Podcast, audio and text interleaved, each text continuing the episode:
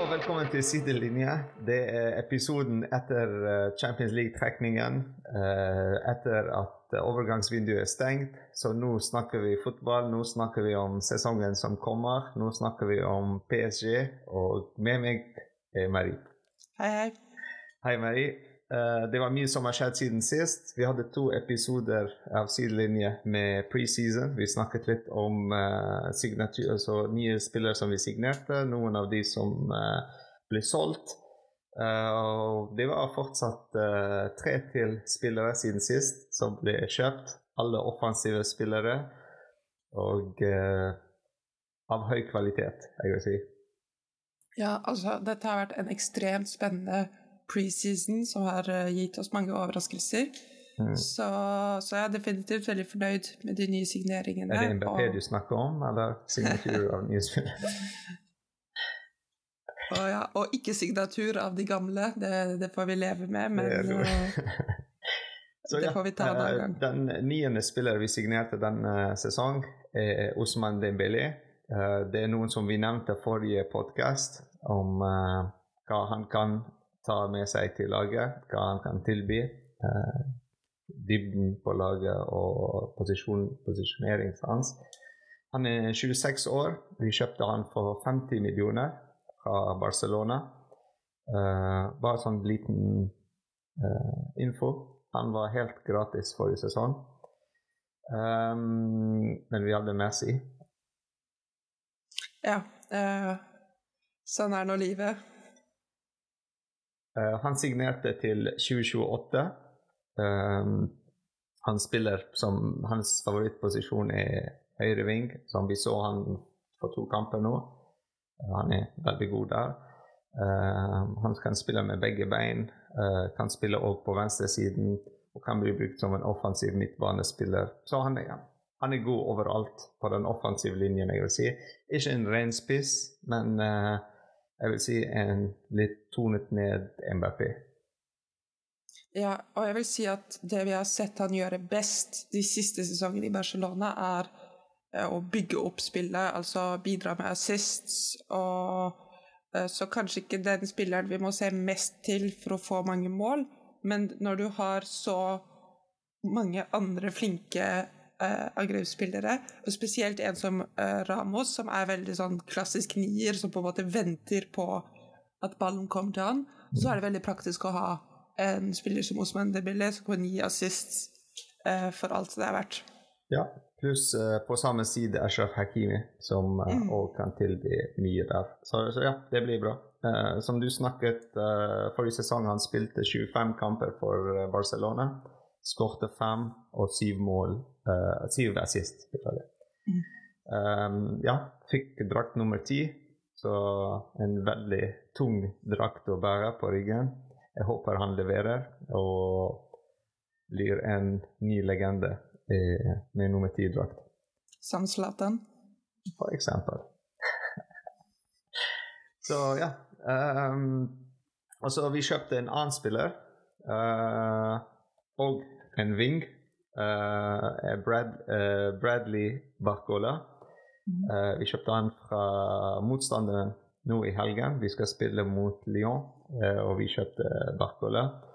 Han er 20 år. Han har bursdag i dag, faktisk, så gratulerer med dagen. Eh, 45 eh, millioner vi betalte for han. Og på transfer market og sånt, så han er verdt 18 millioner. Måtte litt, betale litt ekstra for å få han inn på laget, men eh, ja. Samme som eh, mange av de andre spillere som signerte. eh, langsiktig kontrakt eh, til 2028. Um, hadde én bra sesong fordi han er fortsatt ung, så han hadde bare én sesong med Lyon forrige sesong. En hel sesong.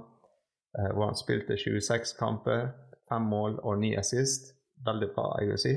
Involvert i 11, eller nei, mer 14 eh, mål eh, for, i 26 kamper. Det er veldig bra for en wing. Eh, som jeg sa òg, en wing. Hans favorittposisjon er venstre, motsatt av Dembélé, men samme plass av MBP. Så det er fantastisk å ha han som eh, innbytter eller eh, backup. Ja, og jeg syns det er en veldig bra ting for liga som en liga. at Jeg føler at mye av talentene vi hadde, gikk på en måte rett ut Ja. Av ligaen. Sånn Kamavinga, Chouamini eh, Mange gikk på en måte fra å være på eh, stjernespillere i et litt mindre lag i liga, og så til et stort lag i Ja. Europa. Ja. Jeg syns det er veldig bra at eh, dette er en spiller som ikke ble i sitt på en måte boyhood-lag, men gikk oppover i ligaen. Og det er veldig kult, så jeg, jeg håper han får en virkelig plass i, i laget, fordi vi må virkelig stole på den talenten vi har innad i ligaen. Ja, det er veldig bra som du sier for han eh, å gå opp til Paris Saint-Germain i ligaen. Men òg hvis vi ser det fra Paris Saint-Germain sin side, det er veldig bra at vi klarer å fange de talentene, i stedet for at de drar til eh, et annet lag, spesielt til Tyskland, eh, helt gratis. Og så kjøper vi de tilbake til eh, 95 millioner euro.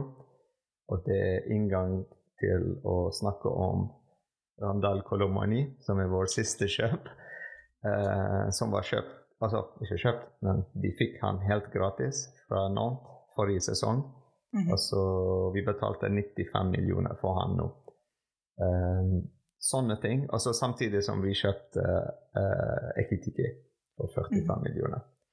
Så sant? Det er sånne ting. Å kunne fange de talentene litt tidligere i prosessen. Da sparer vi mye penger. Uh, ja, vi har penger, men altså Det er ikke feil å gjøre det billigere. Ja. Um, 24 år, Kolomoni, uh, signert i går for uh, rundt ti timer siden. Um, kommer fra Eintracht Frankfurt. Um, han er òg fra Bondi, samme som MBP. Uh, det er sånn litt utenfor Paris. Um, han er spiss, som i hovedposisjon. En ikke helt ren striker, men sånn central forward, litt nummer ti-ish. Um, han er veldig sånn talentfull. Og han, han hadde en veldig bra VM òg, som Mhm. vi husker sist. Um, han kan spille òg som uh, wing. Høyre wing. Så en, en veldig bra kjøp, syns jeg. Ja.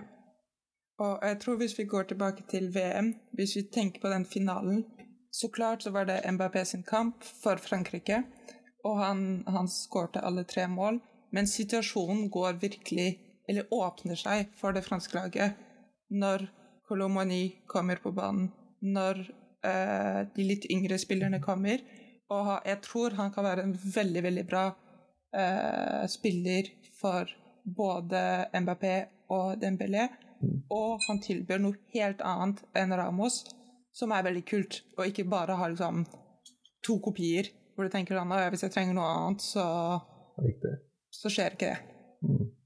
Ja, og så eh, som du sier, eh, det er bra at vi har eh, de gode spillere, unge spillere, franske spillere som kan spille veldig bra med MBP. Men òg la oss altså Det er mye som blir snakket om i media, sånn at uh, de bygger laget nå for MBP. Uh, de ble kvitt av Neymar, og nå de snakker om de blir kvitt av Verratti um, og Messi for å ha MBP som hovedspillere. Men òg jeg tenker at hvis MBP forsvinner neste sesong, da fortsatt vi har et veldig bra lag nå, uh, som vi bygger den på den måten. Eh, sant? Og, ha Barcola f.eks. å spille én sesong under MBP Han kan lære mye av han. Han kan eh, sant? eh, ta han, Hver gang han kommer på banen, og ta hans plass. Sant? Det er mye der eh, erfaring å bygge på. Så det blir bra uansett hvordan vi ser det. Og jeg tror det er så mange lag med store spillere som har hatt samme strategi. Når du tenker på Messi og Danielvis i Barcelona Dani Alves sin jobbeskrivelse var spill ballen til Messi og gjør det Messi vil. Mm. Og det funket jo fantastisk bra. ikke sant? Det er som Marcello og Cristiano Ronaldo. Det funket jo utrolig bra. Så det, du kan si hva du vil om at kanskje det ikke er rettferdig at Mbappé bestemmer, men vi har sett at når det går eh, Når vi finner riktige kombinasjoner, så kan det funke kjempe, kjempebra. ikke sant? Nuno Mendes og Mbappé er en ganske dødelig kombinasjon. Og Kolomani hadde en superbra sesong uh, forrige sesong med Eintracht Frankfurt, og det er derfor prislappen uh, steg veldig høyt.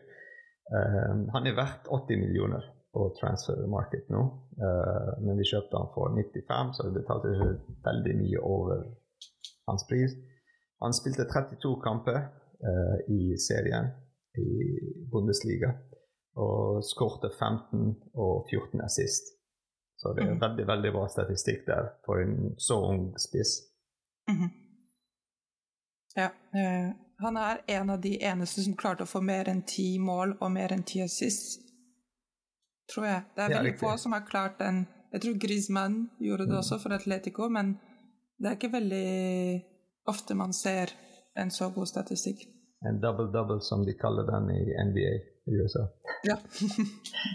Så ja, altså på motsatt vei. Det, vi har òg solgt og lånt ut mange spillere uh, fra forrige sesong.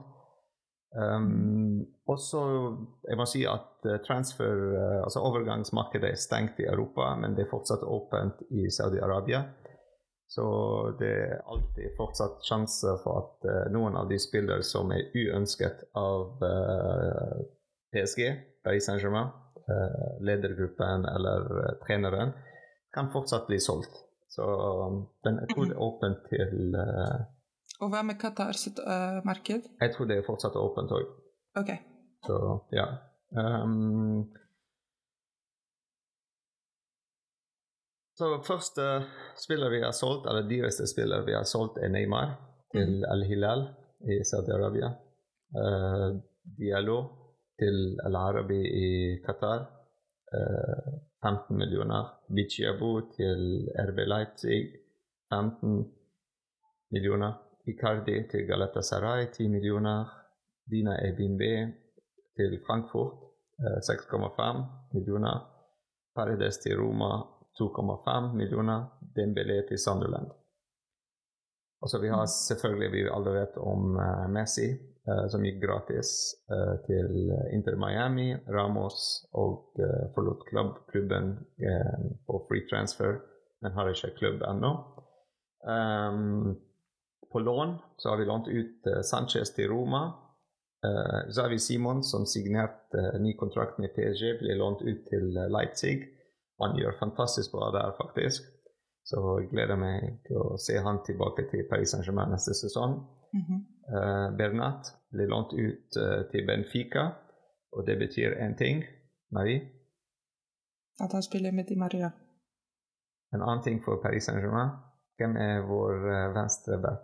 Uh, Nuno Mendes og Luca Hernandez. Og Kurzawa. Og Kurzawa. Riktig.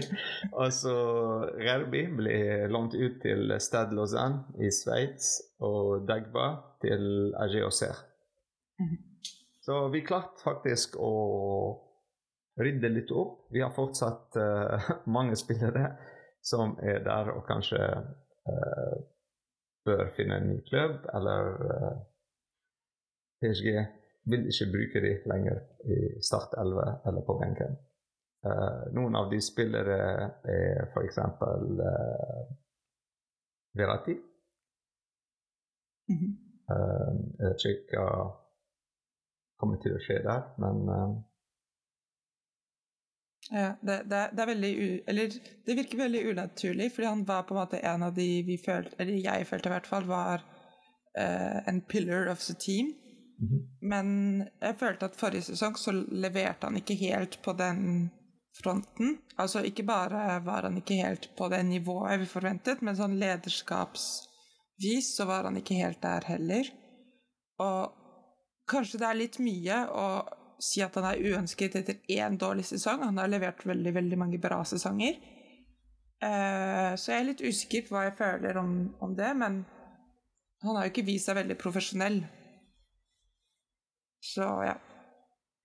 Ja, han kom tilbake uh, det, det, jeg har hørt rykter at når han kom tilbake fra ferie, han var overvektig. Han var seks kilo overvekt. Og han fikk høre det fra den nye treneren. Uh, at han må gå ned i vekt og komme i form før han kunne bli integrert på laget. Så fokuset var ikke sportslig, men eh, fysisk. Han må ned i vekt og sånn. Så det er litt sånn eh, Det skaper litt òg stress mellom han og treneren, syns jeg. Ja, men samtidig så er det veldig rimelig på en måte når du er treneren for PSG, som er et lag på det kaliberet, å forvente at folk møter opp I, Ikke i sånn toppform, ikke sånn jeg har trent hele sommeren, men ikke heller jeg har gått opp seks kilo, liksom. Mm. Det er mye å gå opp seks kilo. Det er liksom Da har du ikke gjort mye annet enn å spise og drikke, liksom. Så Ja, Det er mange skjønner- skål med spagetti og mange flasker Chianti. Ja, ja det, jeg, jeg skjønner at, eh, at Luis Henrique har tatt eh, Eller jeg har syntes det var dårlig gjort, eller Mm. ikke likt det, fordi det, det er sykt mye, og det er et problem vi har hatt i PSG. Du husker jo at Neymar kom alltid tilbake sykt overvektig Mm. eh, fra ferien, og, og faren hans kunne poste så mange Instagram-stories for å bevise at han ikke var det, men på at feit er feit, og vi vet det alle på. Så Ja. ja.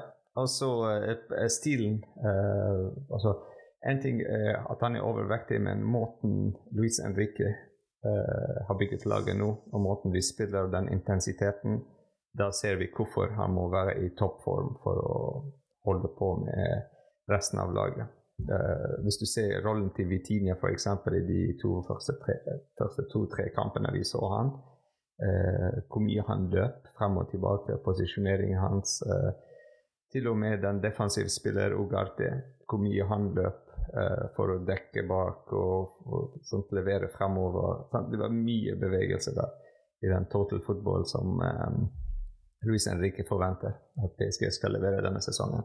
Mm. Så ja, eh, Verratti for meg en legende i Paris Saint-Germain. Han har levert veldig mye for laget, han har gjort mye. Han fortsatt kan gjøre det, faktisk. Jeg syns han kan være en superbra sub. Uh, komme inn og gjøre endringer. Han kan òg, hvis han er i form, ta Zaire Emrys plass i store kamper. Uh, så ja, jeg tror han fortsatt har plass i Europa, eh, eller i PSG, hvis eh, Mm. mm. han kommer i form. Så. Ja. Men uh, det er ikke, vi må ikke glemme òg at uh, det var når uh, Luis Henri, eller når Verratti sa at han vil dra fra Paris til Barcelona. det var Luis Henrique som var treneren i Barcelona og Mhm. ønsket seg han. Mm. Så, så sant? det er ikke sånn noe personlig eller han liker ikke å spille. Det er spilleren. Han er en god spiller, men sant? Eh, han må komme i form. Ja, jeg føler dette er en ganske dårlig stund for Verratti, fordi ikke bare har PSG vært veldig tydelig på at de egentlig ikke ønsker han lenger, men om jeg ikke tar det helt feil, så har han ikke blitt valgt til, eh, til nasjonallaget, som er eh, Som ikke har skjedd på ganske lenge. Altså, han har vært en veldig sentral spiller for det italienske landslaget, og nå er han ikke inkludert. Så ikke den beste uken for Verratti. Jeg har nettopp sjekket Saudi Pro League. De stenger eh, 7. september. Ok. De, de har en uke eller fem dager igjen. Så mm. ja, det er alltid Ting kan skje der. Um, generelt, hvor fornøyd er du med overgangsvinduet denne sommeren? Inn og ut? Ja. Jeg er veldig fornøyd. Jeg er veldig, veldig fornøyd. Jeg, jeg føler vi har kjøpt relevante spillere. Vi har blitt sterkere der hvor vi trengte å bli sterkere. Altså, vi har kjøpt flere forsvarsspillere. Flere spillere som kunne spille sentralt forsvar, noe vi trengte. Vi, var, vi hadde ikke nok spillere på den fronten. Vi har kjøpt et par midtbanespillere som har vist seg veldig eh, flinke som er kjempebra. Vi, jeg føler vi begynner å se kanskje litt hva vår midtbane kan se ut som. Vi sier jo så klart det på starten av hver sesong, men la, la oss si at dette, dette er riktig den, sånn, the one. Og så har vi kjøpt eh, en del offensive profiler, og en ting som alltid har vært veldig rart i PSG, er at vi har følt at vi har hatt mange offensive profiler, men vi har egentlig bare hatt tre. Sånn, forrige sesong så, så var det veldig vanskelig å vite hva vi gjorde hvis en av Eminem ble skadet, og det skjedde jo så klart. Så jeg syns det er bra at vi har litt flere muligheter med Ascencio, Dembélé, eh, Colomani, Ramos. Tenke sånn Hvis vi bytter noen ut, så, så går det bra, liksom. Så jeg er veldig fornøyd. Veldig, veldig fornøyd. Hva med Ja, deg? altså den med offensiv linje. Vi alltid manglet en spiss. Og så nå har vi eh, Ramos som altså, ren, ren spiss, sånn old school spiss. Og så Kolomani som er litt moderne type spiss. Eh, Mhm. La oss si en Konkur-type spiss. Mhm. Eh, en annen spiller som jeg har kjempelyst til å se i PSG, men ja. Um, ja, jeg er enig med deg på alt, unntatt én ting. Det er midtbanen. Jeg føler at uh, vi har kjøpt mange midtbanespillere, ja. Men uh, når du ser på vårt lag, uh, hvem midtbanen er eh, Manuel Ugarte han er superbra spiller. Han viste oss det i de første tre kampene. Men la oss ikke glemme hvordan Vitinia var første kampene i Mhm. fjor. Men jeg føler at Ugarte kan levere hele sesongen. Fordi han er den, den bulldog-type i midtbanen. Um, Danilo Pereira på, på steroids. eh, Mhm. sant? uh, vi har Danilo Pereira som kan alltid spille der fortsatt. Um, vi har Vitinia. Um, Zair Emry. Han er en superbra talent.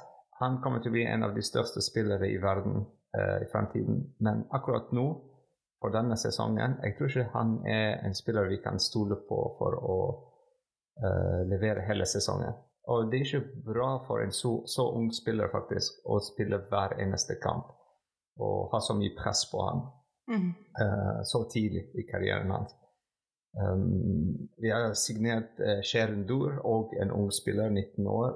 Jeg vet ikke, uh, Han har ikke spilt ennå, men uh, la oss se hva han kan tilby. Uh, og så Li Kang-in, han òg er der.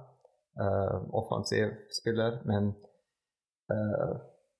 og ikke en spiller som du kan, du kan stole på. Sant? Ikke et sånn stort navn. Så vi fortsatt mangler den, den kreative midtbanespilleren. Altså, jeg har ikke nevnt eh, Fabian Ruiz og Carlos Soler, fordi vi har ventet så lenge nå, og jeg har fortsatt ikke sett noe som sier at hvis vi bygger på det altså, Jeg har ikke sett en kamp som er super, superbra av de, som du kan se som en referansepunkt og si se der, de kan levere dette, og bygge på den. Men det, det er sant, vi, vi mangler fortsatt en veldig, veldig, veldig altså, erfar, altså en spiller med erfaring, en spiller som kan bygge et spill, en spiller som kan eh, på fransk kaste lin, altså mm -hmm. sånt eh, ødelegge linjene med, med pasningen sin. eh, sin, sånt, Eh, det, det, det er det som mangler for oss. Um, og det er veldig dumt at vi gikk glipp av f.eks.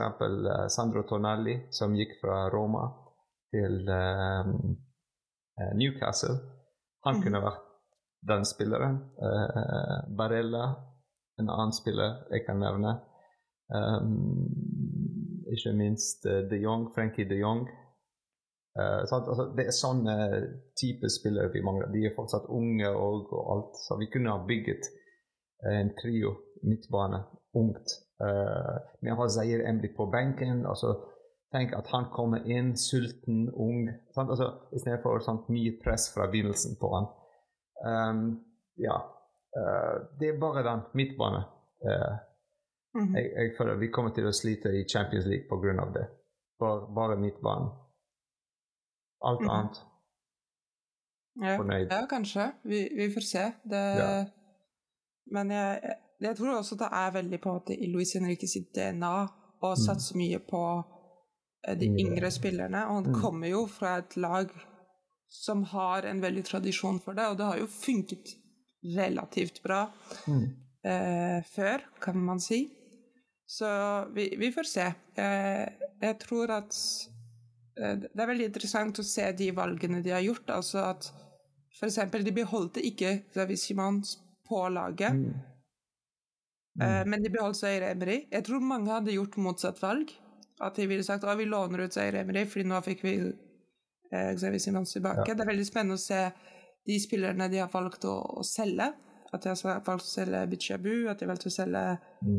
eh, MBB. Altså, ikke sant? Du husker at eh, han MBB var jo valgt før Xavi Mm. Simons eh, under Pochettino, så han var jo Han hadde helt klart bevist et visst eh, nivå og hadde bevist noe. Eh, Harby var jo sett på som liksom vår store stjerne, og nå spiller han i, i Sveits. Mm. Eh, så ja, det blir veldig interessant, men jeg tror i hvert fall veldig aktive valg har blitt gjort på den fronten. At det er ingen tilfeldigheter i hvem av de unge. Eh, ikke sant? Vi har kjøpt en spiller som Sherundur, som egentlig er en Youth League-spiller enda. Når vi har mange? Vi, vi kunne godt beholdt en MBB, og jeg tenker da, da er det noe noen har sett, ikke sant? På spillestilen hans, eh, eller jeg vet ikke, som gjør at Mm. han ble inkludert. Helt enig. Uh, ja. Jeg bare tenkte sånn, tenker bare litt sånn forventning. Jeg håper ikke det. Jeg håper jeg er feil. Jeg håper den midtbanen klarer hele sesongen og leverer alt. Men det er sånn alltid tvil. Altså, vi har forsterket så mye med erfaring og bra sånn eh, kjemi mellom de fremme og de bak. Um, men midtbanen så det er fortsatt litt eh, ikke helt tydelig. Bare tenk, altså, La oss si Vitinha, uh, Zair Emry og Ugarte spiller Mhm. superbra hele sesongen. Og de gjør fantastisk jobb. Men hvis en av de blir skadet, eller en av de må ut for et eller annet grunn, eh, blir byttet ut, eller kan ikke spille eh, en kamp pga. røde kort eller gule kort, eh, da blir vi veldig svake med en gang eh, i de neste alternativene. Så det er der, jeg føler litt sånn Mens du ser på vår offensive linje, som du nevnte altså Du kan bare velge hvilken som helst tre, så har vi sånn sterkt eh, startelver. Eh, noen med litt mer erfaring enn andre, selvfølgelig, men, sant? men, men det er veldig balansert. Høy eh, tempo. eh, ja, spilt sammen før på landslaget. Så ja. Jeg, jeg tror fortsatt vi kan ha en bra midtbane. Eller, vi kan ikke ta inn altfor mange skader, men når du tenker at eh, Danilo er en midtbanespiller som jeg tror få podcaster har sagt så mye fint om Danilo som oss. Mm. Eh, når du tenker at vi, vi har fortsatt Fabian Ruiz og Carlos Soler, og eh, jeg tenker det, det må jo komme en gang hvor liksom ting klikker. Klikker, ja. Eh, og de har erfaring. Så jeg, tenk, jeg tenker at hvis vi ikke har mega-uflaks, og ikke liksom fem spillere blir skadet samtidig, så burde vi ha noe å stille opp med. Definitivt. Yes. Og så sesongen har allerede startet. Um, og eh, vi spilte tre kamper i ligaen. mm -hmm. To uavgjort og en uh, seier mot Lens, som var en superfin kamp på Parc de France. Uh, vi er i åttendeplass, uh, og det er mange av de nye spillere som startet. kom inn som innbyttere og skårte mål, som Ascencio. Eh, og taklet hardt, som Ugarte. Så uh, vi allerede så at den funker. Den, altså, det han prøver å bygge opp, eh, funker. Er det noen av de spillere du føler at som kanskje ikke helt passer inn i, den, eh, i det systemet som uh, Luis Henrique prøver å lage? Eh, på en måte så vil jeg si kanskje Donnarumma, for jeg føler han er litt uh, ukomfortabel med å spille liksom uh, pasninger og på en måte være med i det liksom aktive spillet. Mm. Mhm. Eh, så kanskje Donnarumma. Men jeg tror kanskje det er på en måte litt slags utsettelsesterapi for Donnarumma, fordi vi ser at det er det han ikke liker, og da er det like greit å bare gjøre mye av det. Mm. og bare bli flink på det. Fordi det, det er ingen grunn for at Donnarumma ikke skal klare det. Han er jo en flink spiller, og Ja. uh, jeg tror absolutt at, uh, at han kan klare det. Men til nå vil jeg si at han er kanskje den som ser ut til å slite mest. Eh, Ramos så litt så ut til å slite litt, men det var også fordi han hadde han hadde på en måte ikke en Mbappé eller en Dembélé som Mm. kunne gi eh, pasninger, så jeg tror også det er fordi vi ikke helt så, så han under riktig eh, lys. Så Mm. han vil jeg definitivt gi en annen sjanse til. Ja, ja. Hva med deg? Noen navn som Jeg bare tenker sånn litt Altså uh, Jeg er veldig glad i den uh, Hva kalte de den? De kalte det for en sånn eh, Heter den eh, tri triangelen som hvis fly går over, så forsvinner den?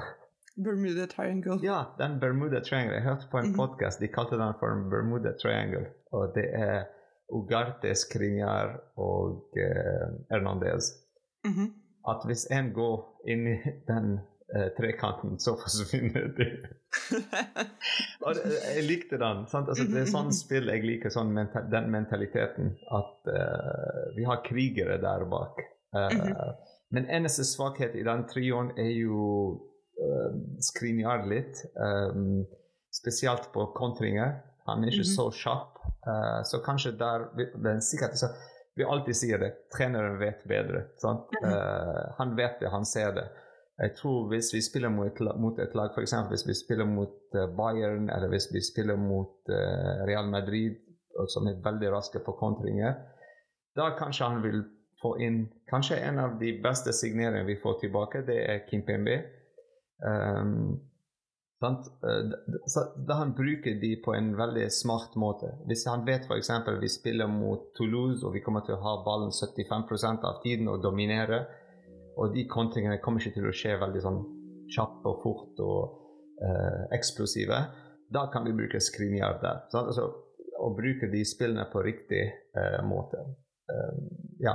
Og ikke minst når Nuno Mendes kommer tilbake, så er Hernandez en, uh, back, en uh, defensiv altså midt defensiv spiller, ikke en back.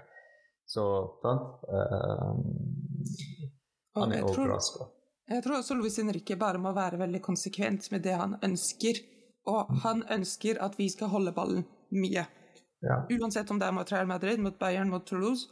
Og jeg tror at hvis han virkelig vil vise at det er politikken hans, så, så må han på en måte tørre å gjøre valg som kan koste litt. Jeg, jeg tror du kan ikke velge alle strategiene samtidig. Det han vil, er at vi skal holde ballen mye, og at vi skal få den tilbake fort.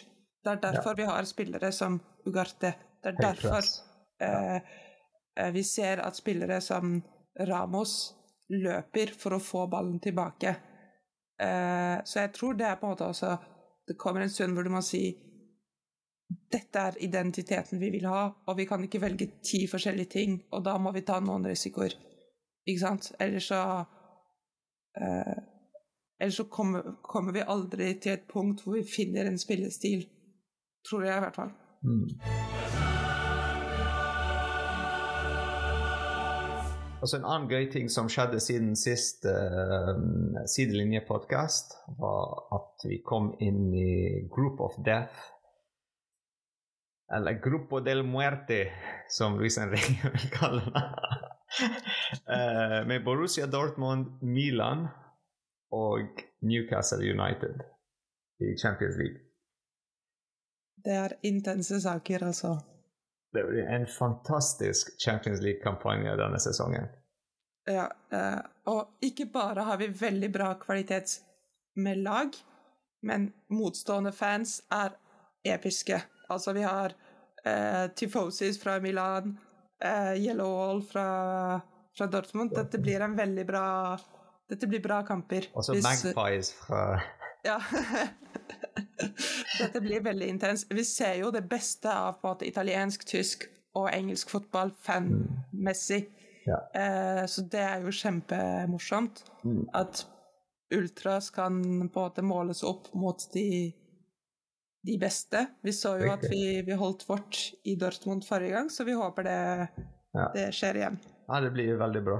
Mm. Uh, vi har prøvd å ta kontakt med eh, fanklubber uh, i Norge av Dortmund og uh, Milan og eh, Newcastle. Um, så Newcastle var Jeg tror de har lagt ned eller et eller annet, så det var litt vanskelig å få tak i det. Men hvis de hører på den, så hvorfor ikke ta kontakt? Det er aldri for seint. Vi kan ta en podkast òg med dere. Vi har ikke hørt uh, tilbake fra Milan, uh, og vi hørte tilbake fra Dortmund at de vil ikke delta i den uh, pga. eierskap av PSG og Qatar. Ja. Men uh, uansett Whatever jeg tror det, floats your boat. Ja. Jeg, jeg tror at det vi ønsker å gjøre her, er å snakke fotball, og jeg, jeg Jeg tenker at alle kan inkludere det de vil, men det var på en måte besides the points, tror jeg. Men uansett, vi kan, vi kan begynne å, å snakke litt mer om seriøse ting. Ja. Eh, hva, hva er din første, ditt første inntrykk av denne gruppen? Vi skal det, knuse alle. Altså, vi Ja. skal dominere gruppen. Vi, vi skal bare vise dem hvorfor ligaen er altså, ligaen som lager alle de talentene som Newcastle er etter, Milan er etter, og Bayern kjøper fra oss. Mhm. Altså, ja. Uh, vi må ikke glemme alle de talentene fra Frankrike som kommer fra ligaen til alle de klubbene. Mm. Uh, og det er mange av de som fortsatt er der. Uh, så, og så snakker de dårlig om Ligue 1, og ja, det er veldig enkelt for PSG å vinne den. Altså, vi så f.eks. med Messi hvordan når han kom der, det var veldig vanskelig for han. Men når han drar, tilbake, drar til uh, USA, så han bare skårer ti mål hver kamp. Og det viser nivået av fotball der. Intensiteten og hvor hard den er og vanskelig å spille. Du, husker du han eh, Niko Kovac, tror jeg han het? Han som trente eh, Bayern, og så yeah. dro han til Monaco. Yeah. Det var jo han som sa at eh, han, han var veldig sjokkert over hvor bra nivå det var i liga. Og dette er jo en mann som har trent eh, Bayern Munich og funnet mange Ja. eh, Bundesliga-titler og mange titler med spillere som Lewandowski. Så, og det er mange trenere som har kommet til ligaen og sagt at oi, shit, dette er en veldig bra liga, men samtidig så må vi være ærlige, en liga som sliter å bevise seg på den europeiske scenen. Altså, det seneste eksempelet er jo at Marseille blir dyttet ned til Europaligaen, og det er ikke jeg som kommer til å gråte for, for Marseille, men det beviser noe om vår eh, liga. De er tredje i vår liga, og de klarer ikke å kvalifiseres Mm. eh, til Champions League. Det, det er litt problematisk, ikke sant, å se at ikke bare klarer vi ikke den Champions League-seieren, men på ingen av de europeiske scenene så har vi klart å, å komme til en f- nesten- Ja, ikke sant? ja. Siden 2020, Mm. der vi gjorde det veldig bra. Ikke sant? To franske lag. Fordi alt er på PSG til å gjøre det. Sant? Og så Men i- alt er ikke på PSG. ikke sant? Det er flere franske lag i Europaligaen. Men Og flere franske lag lag for eksempel uh, altså, De klarer å kvalifisere seg, men neste sesong alle de gode spillere som klarte å få de andre posisjonene i ligaen, blir solgt ut.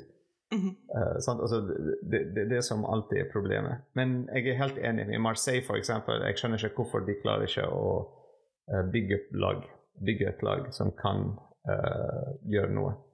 Samme som uh, Monaco gjorde tidligere i 2000-tallet. Mhm. Eh, Ikke sant?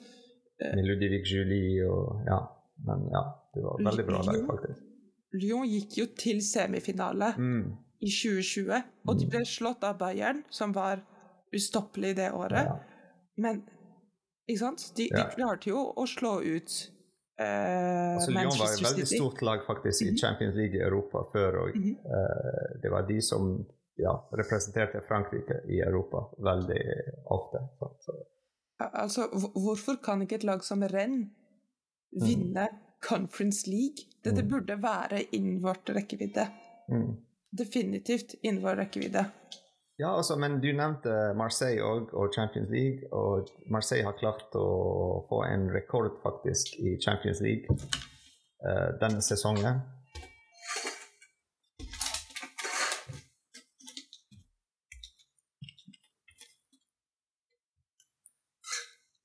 Ja, altså du nevnte Marseille og Champions League i samme setning, og husket at det er en rekord som de klarte å gjøre denne sesongen. Og det er en tidligste exit av Champions League.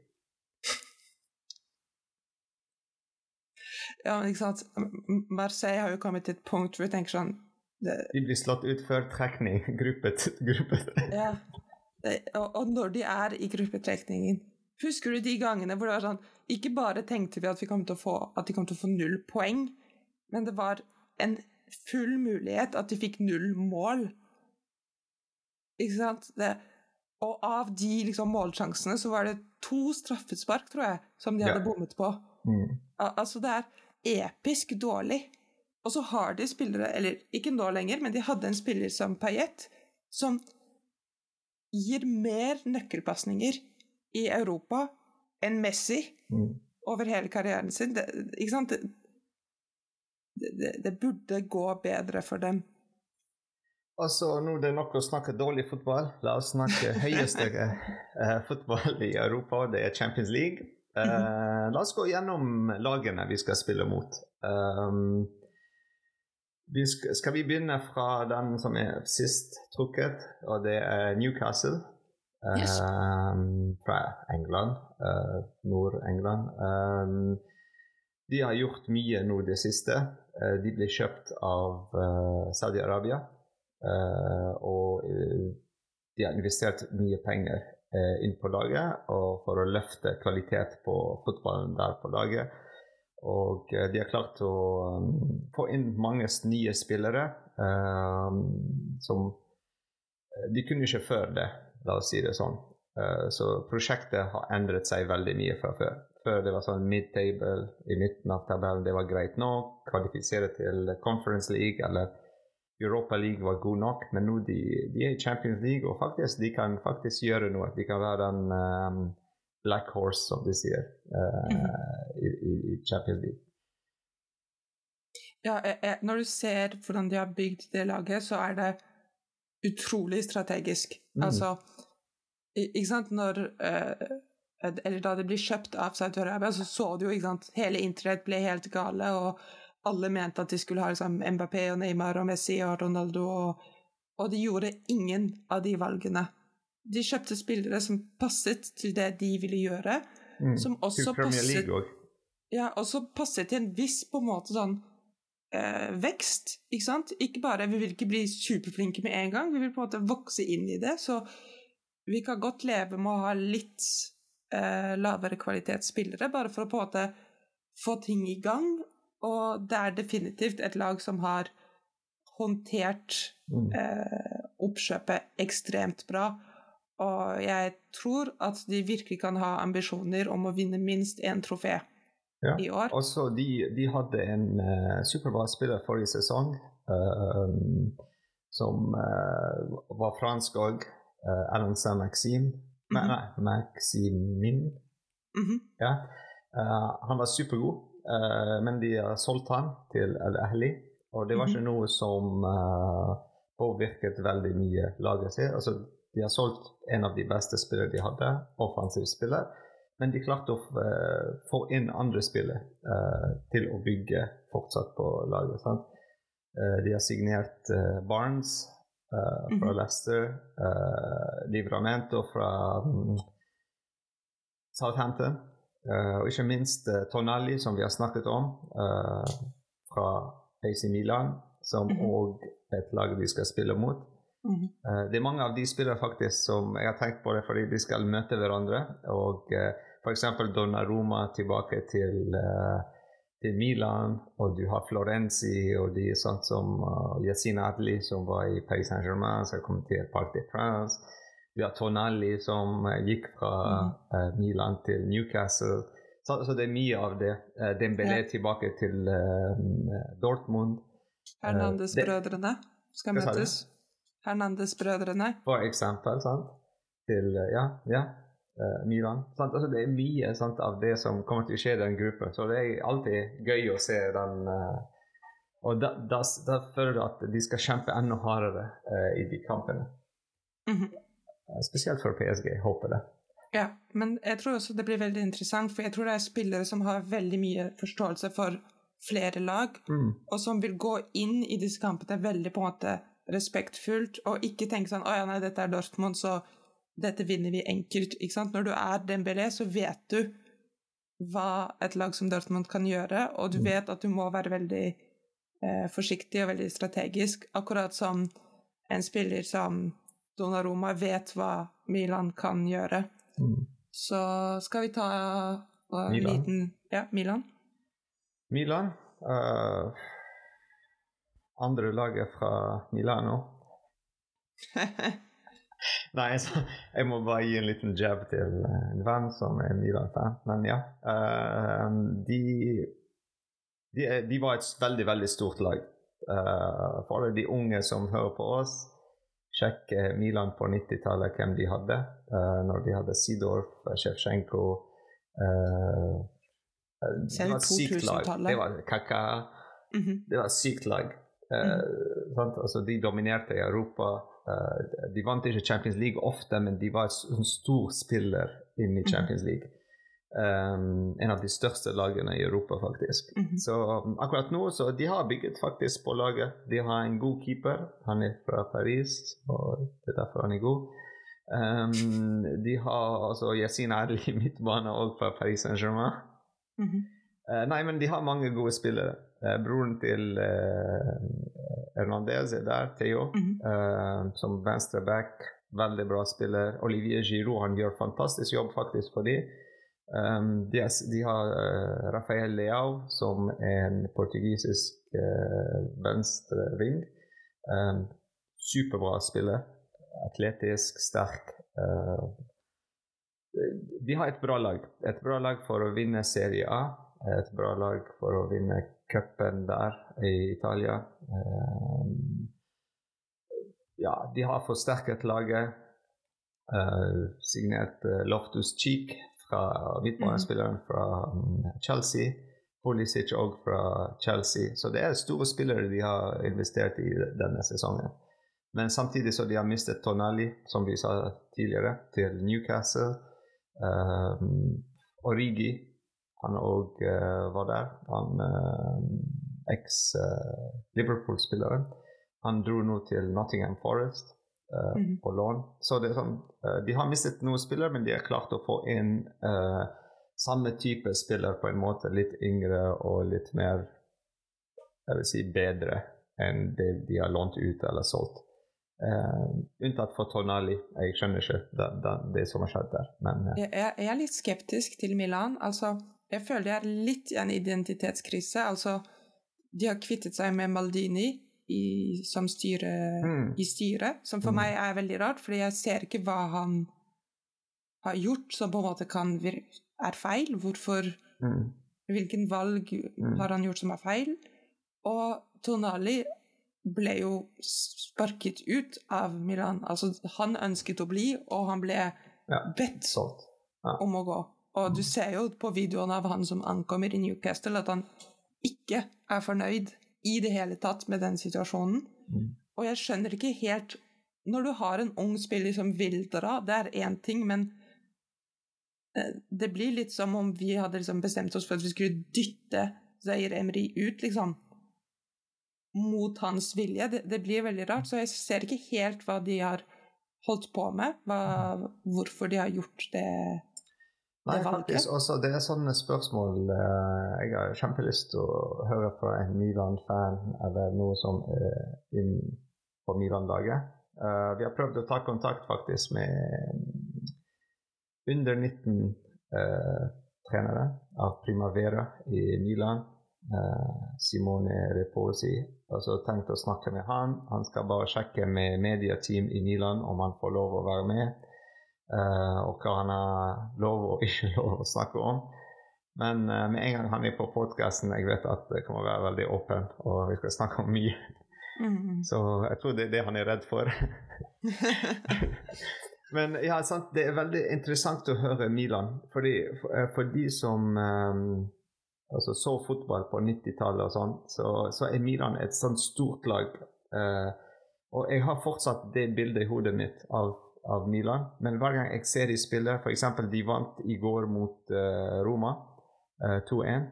Uh, jeg så litt av kampen fordi eh, Marseille spilte samtidig. Men eh, det var sånn litt Det var bra fotball, men det var ikke i den kvalitet Det, var ikke i den, den nivåen som Milan var altså, Jeg var vant til å se Milan sant? på de dagene med, med Ronaldinho og Kaka. Og, sant? Det, var så mye kreativitet, det var så mye eh, Spesielt i defensivlinjen. Eh, det var sånn en all Italian defensiv linje før. Eh, Baresi, Maldini, som du nevnte. Costa Curta. Altså, det var en sånn sykt bra Mm. defensiv linje. Men akkurat nå er det litt sånn Den er bra, men ikke helt. Sant? Altså, Mm. og når du er kjent for den defensive linjen, og du klarer ikke å bygge den, det blir veldig sånn eh, Men det er moderne fotball òg. Ja. ja. Men ikke sant, når du ser at uh, ikke forrige sesong, men sesongen før, Mm. så vant de uh, Serie A. Og denne sesongen så, så blir de på en måte reddet litt av point deduction fra, for Juventus. Mm. Så er det veldig rart å se på en måte, Jeg følte at for to år siden så begynte vi å se på en måte virkelig en framgang i Milan, og på en måte at de begynte å bygge det de hadde før.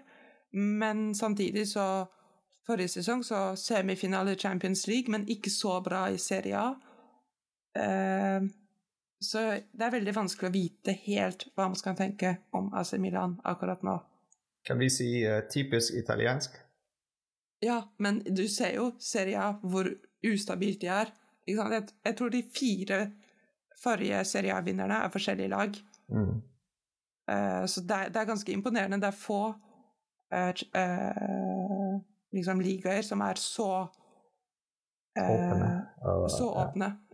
Bundesliga bare Bayern. Ligaen Liga PSG er veldig dominerende. Premier League, Manchester City, og så har vi da fire forskjellige italienske lag som klarer på fire år å Mm. vinne eh, Scudetto, så det er veldig kult, men vanskelig å, vite hva. Ja. ja, vanskelig å vite hva man skal tenke om, om Milan. Ja, ja. Ehm, neste lag, uh, eller siste lag i gruppen, så det er Dortmund. Uh, der eh, går vi fra en helt kaotisk italiensk fotball til en veldig ryddig eh, tysk mentalitet og fotball. Veldig sånn strukturert måte de tenker. Ehm, altså, det er samme eh, politikk de har hatt over alle årene med Bayern. Ehm, altså Bayern og Dortmund. Samme eh, Nei, ikke helt, fordi Bayern kjøper fortsatt spillere. Men Dortmund bygger opp unge spillere, og altså, de kjøper en spiller for ingenting. Og han opp til 200 millioner, og så selger han. Vi har sett det mange ganger med Lewandowski, Dembélé, Bellingham. Eh, det er mange spillere vi kan nevne. Eh, Hummels. Eh, eh, bak i defensiv eh, rollen. Men altså, det er mange spillere som de klarer å bygge opp eh, til eh, at de blir sånn verdensstjerner, og så de blir solgt. Mm. Eh, men, men, men, det som er fantastisk med de, er at de alltid klarer å finne en, en ny spiller som tar plassen til den gamle spilleren. Ja, ja, definitivt veldig imponerende det de klarer å Mm. få til. Men jeg er også litt skeptisk til, til Dortmund denne sesongen. De, de har mistet en veldig viktig spiller i Jude Bellingham. Du ser Mm. jo hvor bra han gjør det i Real Madrid. Mm. Og han kunne definitivt gjort det for Dortmund. Altså det er ingen grunn for at det ikke hadde skjedd i Dortmund også. Og ja, jeg er litt usikker.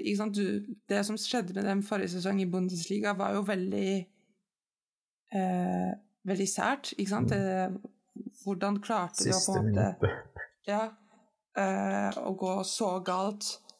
Når alt virket eh, vunnet, så, så klarer de ikke å helt komme over toppen. Så jeg er litt usikker på hva jeg skal tenke om de som et lag. Altså, for eksempel nå, hvem ville du sagt er liksom de tre referansespillerne i, i Dortmund? Altså, Mm. jeg kan ikke nevne tre navn hvor jeg tenker å ja, dette er virkelig seriøse spillere. Ja, du har Marco Royce, men uh, han er litt gammel nå. Mhm. Emre Khan, kaptein. Mm kaptein. Og altså, han er grei. Altså, ja, han er god. Uh, Hummels, han er der. Um, men ja, jeg er helt enig. Altså, det er sånn nesten forrige generasjons uh, spillere.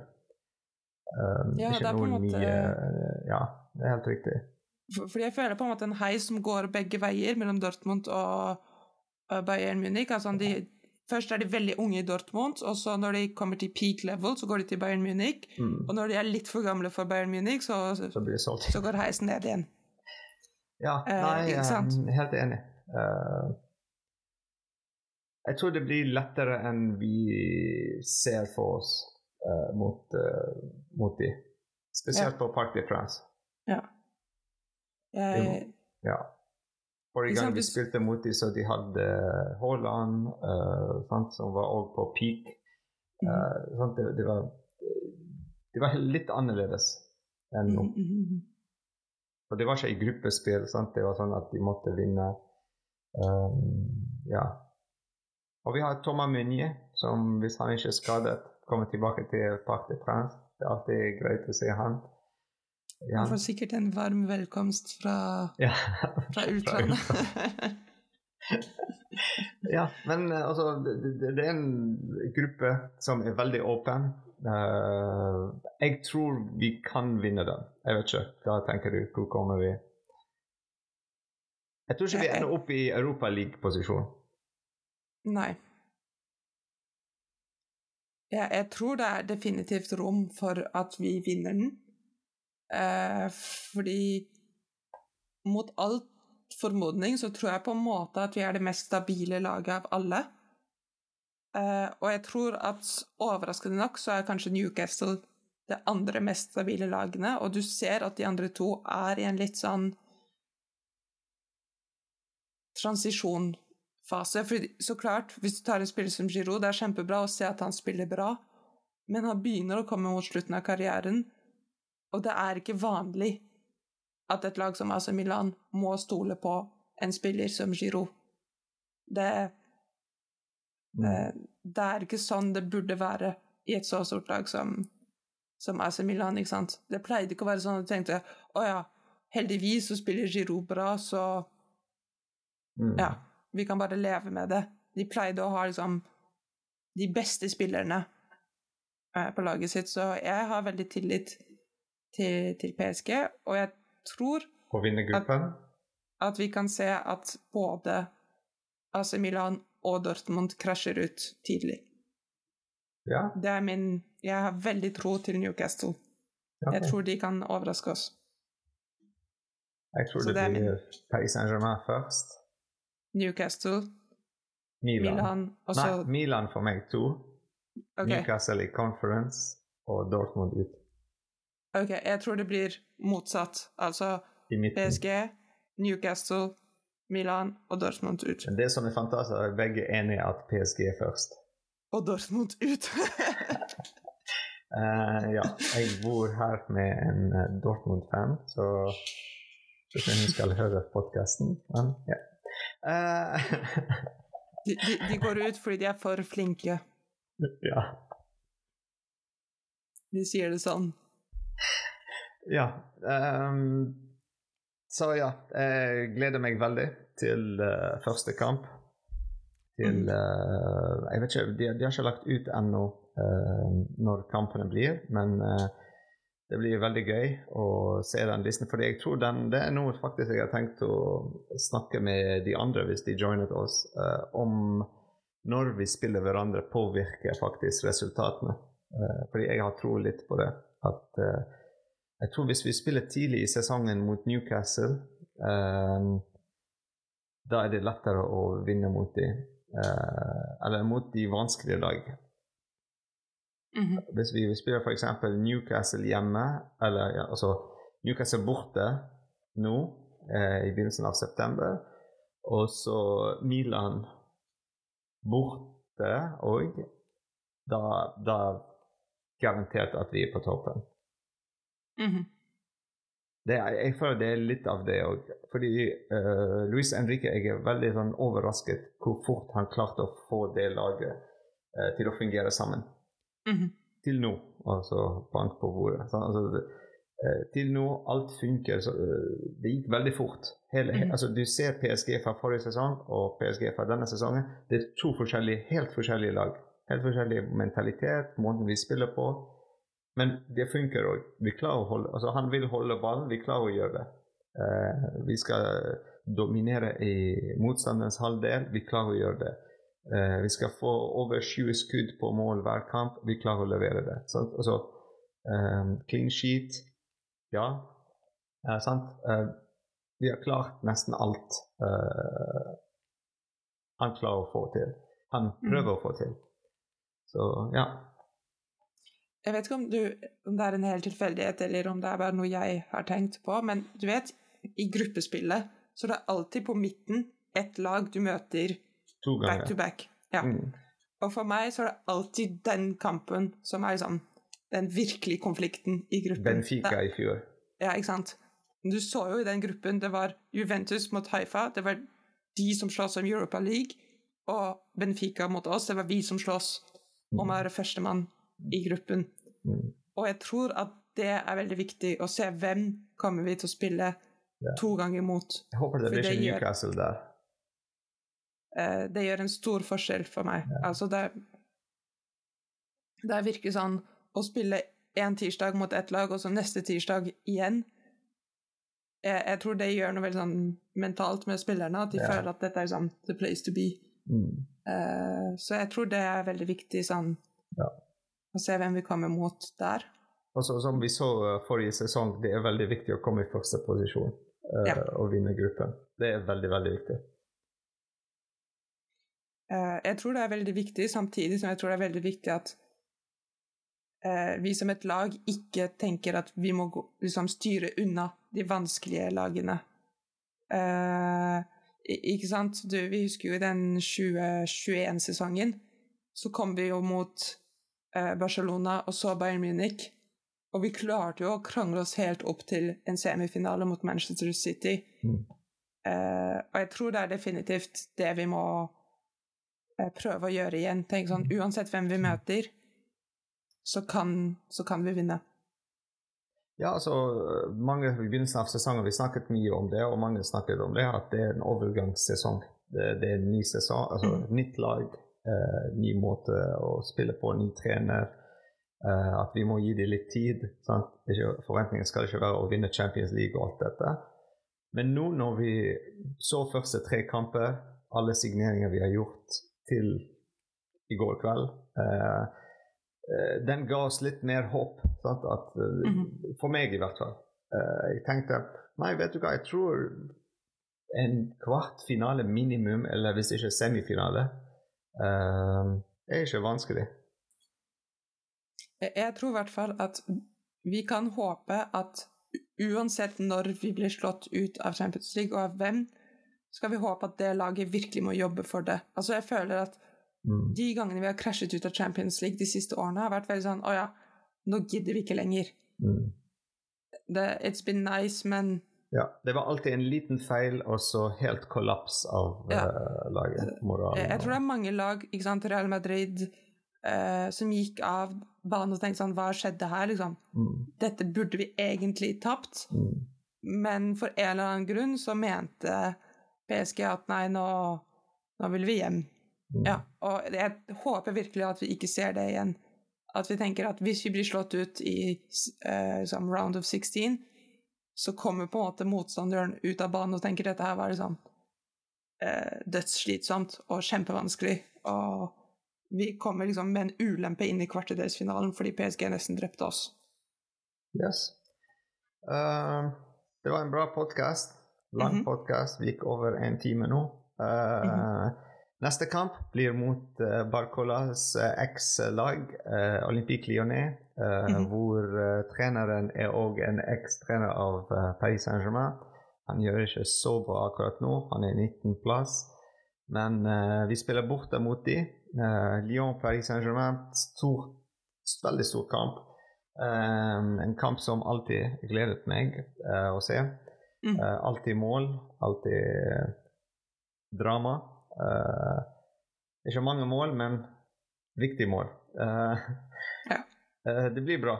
Uh, og så En annen ting jeg tenkte å snakke om, er at uh, vi skal uh, arrangere en tur eh, denne sesongen. Eh, hver sesong så lager vi eh, kanskje et par turer eh, til å se Paris Saint-Germain. Eh, denne gangen vi snakket litt med PSG, um, og du vet, Marie, uh, vi tok et valg å gå for en uh, bortekamp mm -hmm. denne gangen uh, i ligaen.